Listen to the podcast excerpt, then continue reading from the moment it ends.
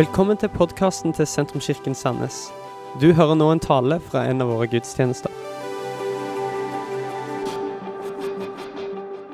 Gratulerer med dagen, da.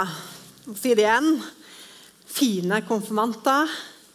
Gratulerer med dagen til eh, familie og venner. Og Jeg vil også si gratulerer med dagen til Sentrumskirka. Det er en eh, festdag når vi får lov til å feire konfirmantkullene våre. Og Det har vært en glede å følge dere dette året. Og som jeg sa til dere på onsdag når vi hadde siste Tentro-samling Jeg er veldig glad i dere. Og eh, dere har så utrolig mye bra på hver deres måte. Og jeg gleder meg til å følge med på reisene deres videre. Dere er òg veldig mye på Snapchat. I hvert fall mange av dere er tidvis vanskelig å ha oversikten over. Og eh, får Jakob til å spise rare ting. Eh, Jakob, som en av, eh, var en av lederne, han sa på den første samlinga i fjor høst første sentrumssamling vi hadde, at han spiste hva som helst hvis han ble utfordra til det. Så etter høstferien da, så er det en av konfirmantene som har vært i Sverige, kjøpt med seg en av verdens sterkeste chilier. Eh, og eh, gir til Jakob. Og Jakob selvfølgelig, han står ved sine ord og tar denne chilien i munnen og begynner å tygge. Og det er kanskje de, de, minuttene som følger der, er kanskje de mest stressende øyeblikkene jeg har hatt som Tentro-leder eh, i alle disse årene vi har holdt på. For idet Jakob ligger i fosterstilling på, eh, på gulvet og ikke klarer å snakke og jeg og Silje lurer på skal vi ringe, legevakten nå. Og Markus han bare filmer og ler. Eh, så hvis du vil se film av det, så kan du gå til Markus. Eh, men heldigvis da, så gikk det bra etter en halv time. Da sto han med hodet under vasken og fikk melk, og det gikk bra. Så jo da, det er mye som kan skje på en Tentro-samling, og du må passe deg som leder for hva du sier på første samling. Eh, sånn at eh, Ja. Han sto ved sine ord, da. Det skal han ha. Og eh, det jeg liker da med Tentro, eh, som Rebekka så fint oppsummerte med på eh, filmen her i stad, er at man blir litt sånn som en familie som snakker sammen. Og nå skal jeg være den pastoren som også står og snakker i en evighet. da. Nei, jeg skal ikke snakke i en evighet. Men jeg skal få eh, holde dagens eh, tale til eh, oss alle. Men vi har snakka sammen om viktige og uviktige ting dette året. Og I dag så markerer dette jo slutten på konfirmasjonsåret. Men samtidig som vi har sagt flere ganger allerede, så er det bare begynnelsen eh, av livet. Og Dere er i en fase hvor dere tar flere og flere valg. Um, og jeg ønsker dere det aller beste videre. Og De neste minuttene da blir eh, dagens første konf-tale. Kanskje noen av dere, jeg vet noen av dere skal ha tale seinere i dag. Så det er bra. Men jeg har lyst til å dele en bibelhistorie med dere som jeg håper kan få lov til å bety noe for dere videre i livet. Eh, og jeg håper at denne historien òg kan få bety noe for oss andre. Eh, som er i dette rommet. Dette er faktisk en av de historiene som vi lærer som står på 0-2-programmet vårt. Eh, så dette er en historie hvis du er barn i Sentrumkirka, en av de første bibelhistoriene du lærer. Men jeg er overbevist om at dette er en bibelhistorie som kan få lov til å bety noe for oss gjennom hele livet. Og det som er Bakgrunnen for denne bibelhistorien er at Jesus og disiplene hans har vært på tur. Eh, og Det samler seg etter hvert veldig mye folk. Ryktet gikk. Noen hadde kanskje sendt en snap det må være Rebecca, eh, som eh, spredte seg. Hvordan de nå enn gjorde det på den tida. Men i alle fall så var det utrolig mye folk som hadde kommet for å høre på Jesus. Og de hadde vært sammen med han eh, hele dagen eh, og hadde kommet for å høre på hva Jesus hadde å si. Og etter de hadde vært sammen med alle disse folkene en hel dag, og det var sikkert veldig gøy, men også ganske intenst, så har det nå blitt kveld, eh, og det er her vi skal inn i historien. Og Vi skal lese fra Markus eh, kapittel 4 og vers 35 til 41. og Det kommer òg opp på skjermen. Samme dag da det ble kveld, sa han til dem, la oss sette over til den andre siden av sjøen. De lot folkemengden bli igjen og tok eh, han med seg i båten der han satt. Også andre båter fulgte med. Da kom det en voldsom virvelstorm, og bølgene slo inn i båten så den holdt på å fylles. Jesus lå og sov på en pute bak i båten. De vekket han og sa til han, 'Mester, bryr du deg ikke om at vi går under?' Da reiste han seg, truet vinden og sa til sjøen, 'Stille, vær rolig.' Vinden la seg, og det ble blikkstille. Så sa han til dem, 'Hvorfor er dere så redde? Har dere ennå ingen tro?'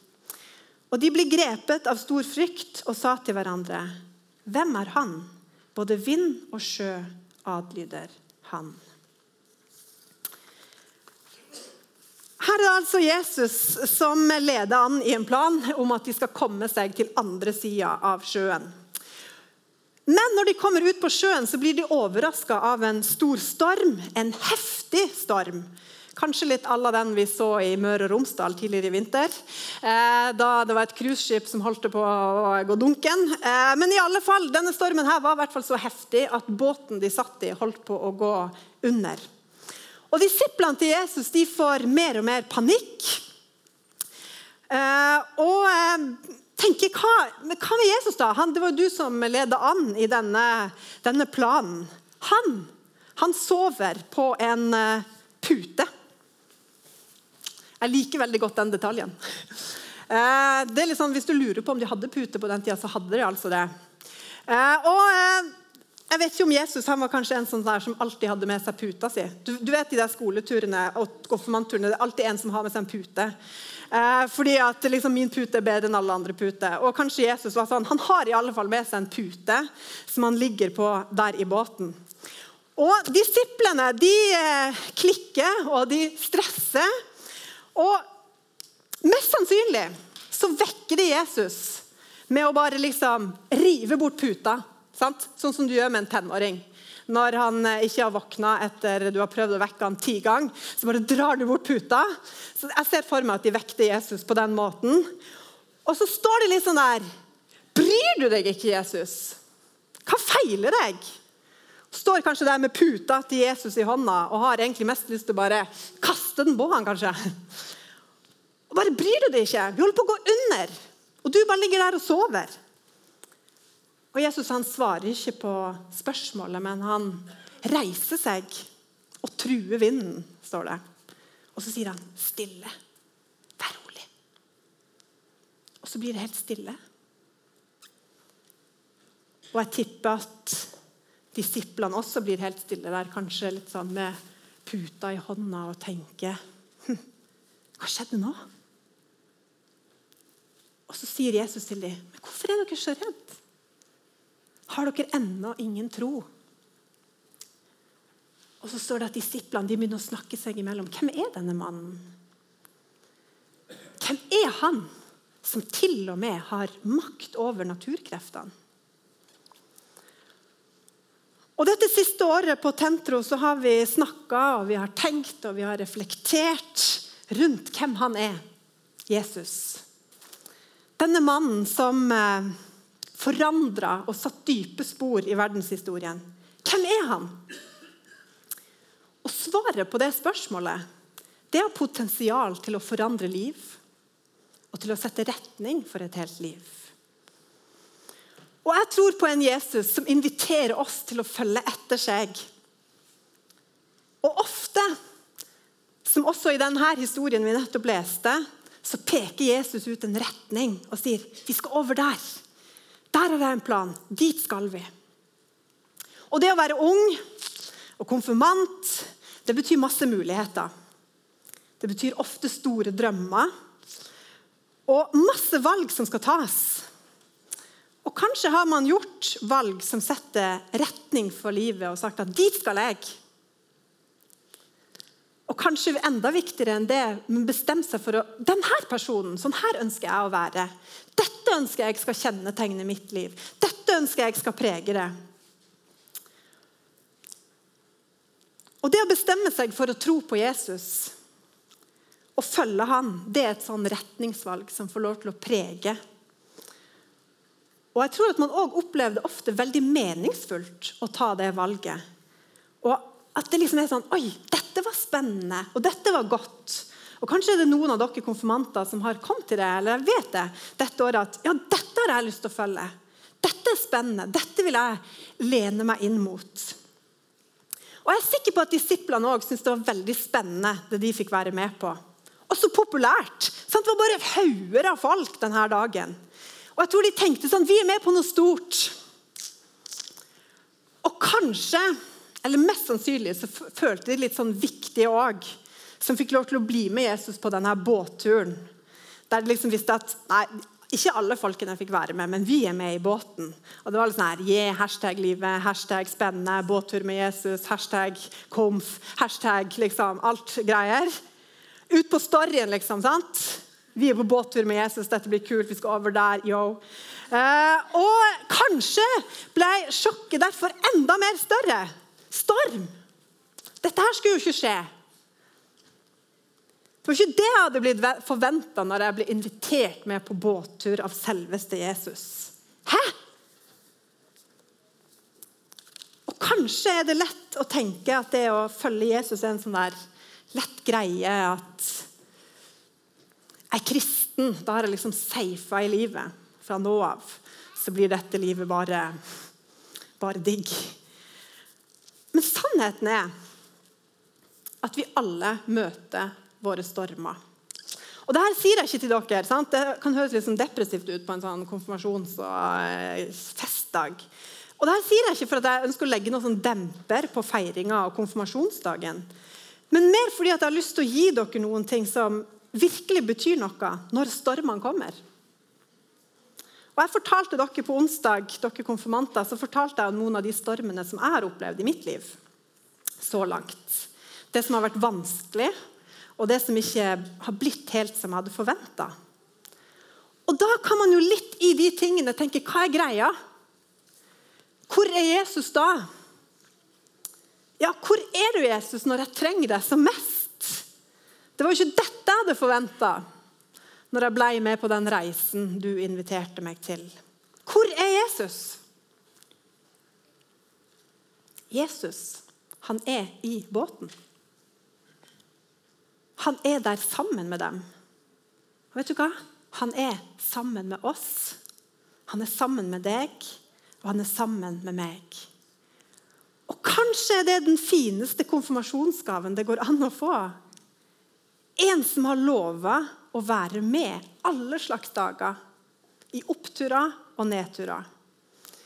En klok mann som heter Per Arne Dahl, han har sagt det at jeg vet ikke hva som kommer til å møte meg alle livets dager. Men jeg vet hvem som jeg skal møte alle slags dager sammen med.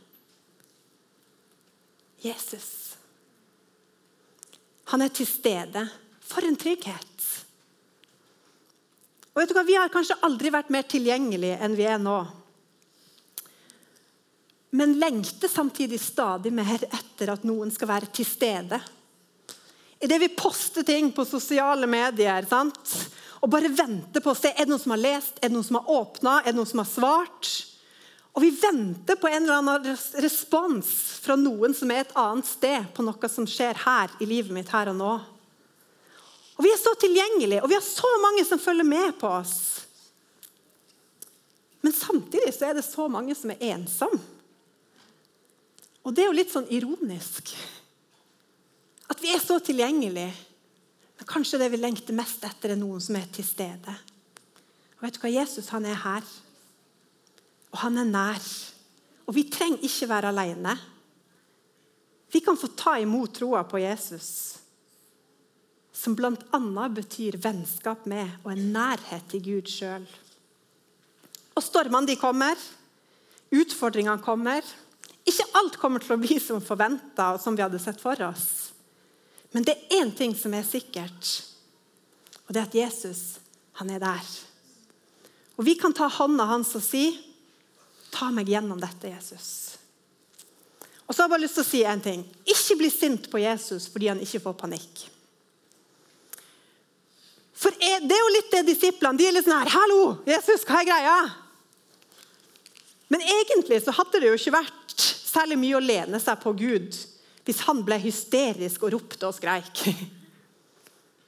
Se for deg du kommer på legevakten med blodige sår og en arm som dingler.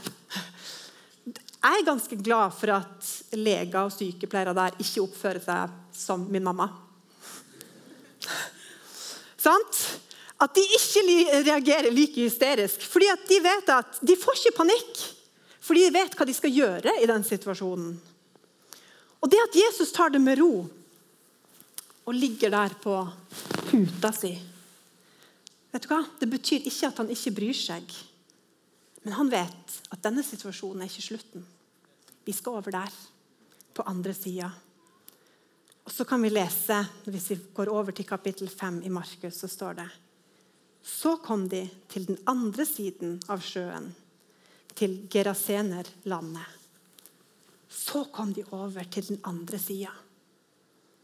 Han er nær, og han er til stede gjennom alt.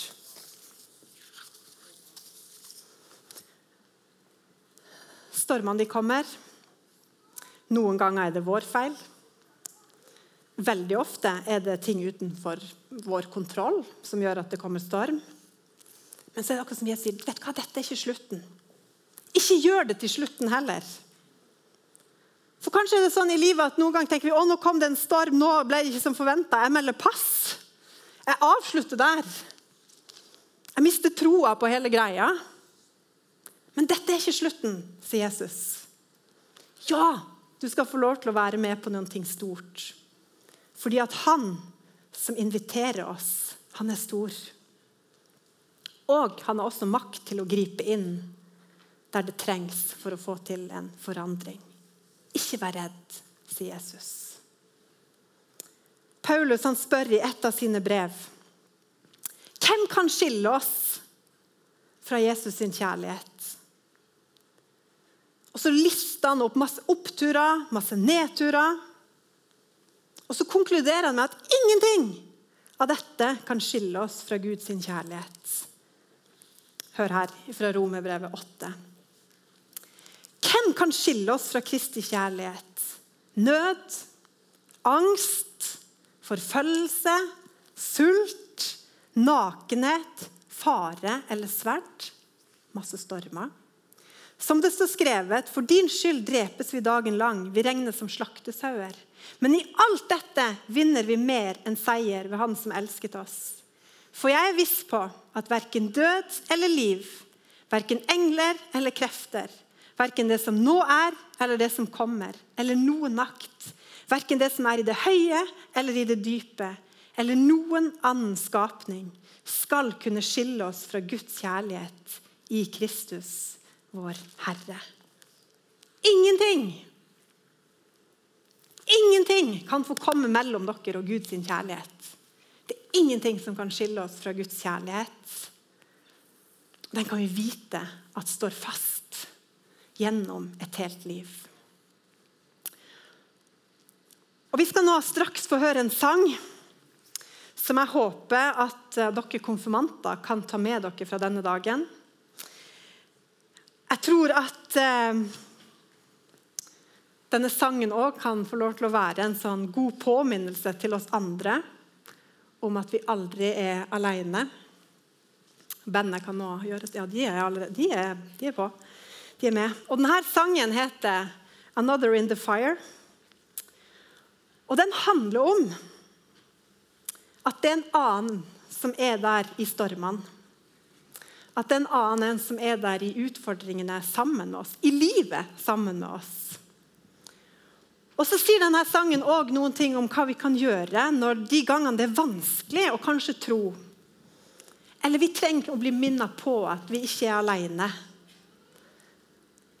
så vil du høre noen vers i denne sangen som snakker om at vi kan få lov til å se på korset. På at det var en annen som tok våre byrder. At det var en annen som døde for oss, nemlig Jesus. At vi kan se til en tom grav. Fordi at Jesus er ikke der. Han er her, og han er oppstått. Og så kan vi vite det at for den som tror, så er den kraften som er sterkere enn døden, den bor også i oss. Jesus, han som er sammen med oss på puta si.